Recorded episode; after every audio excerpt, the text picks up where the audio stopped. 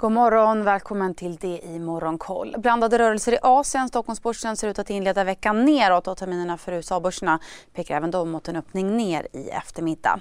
Hongkongbörsen backar nästan 1,5% Shanghai-börsen är upp en halv procent och Shenzhen-börsen stiger svagt samtidigt som den kinesiska centralbanken meddelat att man lämnar både den ettåriga och den femåriga referensräntan LPR oförändrade i mars. Tokyobörsen håller däremot helgstängt idag.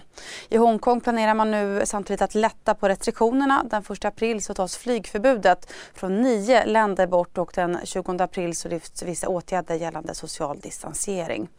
Oljepriset stiger drygt 3% idag. Brentoljan kostar 111 dollar fatet samtidigt som EU enligt Reuters överväger att följa USA och införa sanktioner på rysk olja. Även priset på aluminium lyfter också över 3% därför att Australien stoppat exporten av aluminium till Ryssland.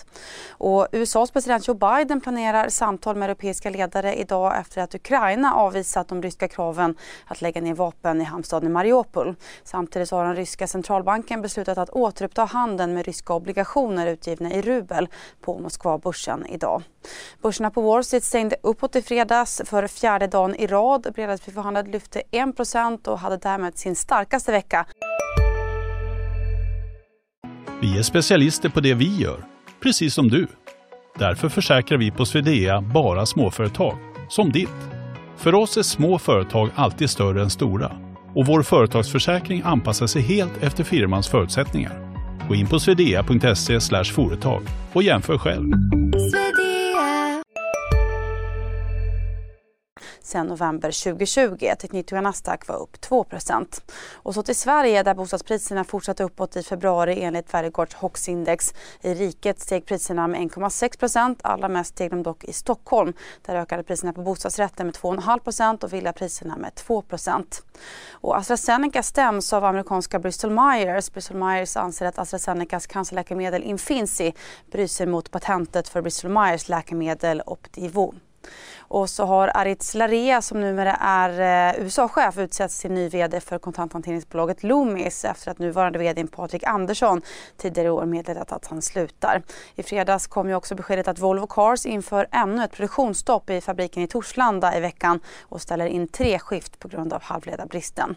Sist kan vi väl också nämna att det köps aktier i mobilspelsbolaget G5 Entertainment och i aluminiumbolaget Gränges. I G5 så är det VD Vlad Suglobov som köpt aktier för drygt 2 miljoner kronor och i Gränges har finanschefen köpt aktier för 700 000 kronor.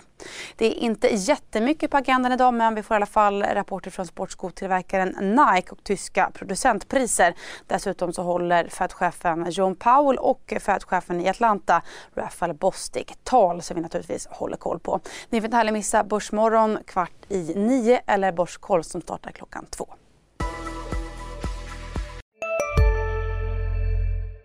CSRD.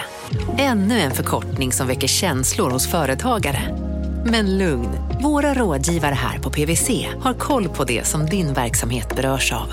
Från hållbarhetslösningar och nya regelverk till affärsutveckling och ansvarsfulla AI-strategier. Välkommen till PWC. Hej, Synoptik här.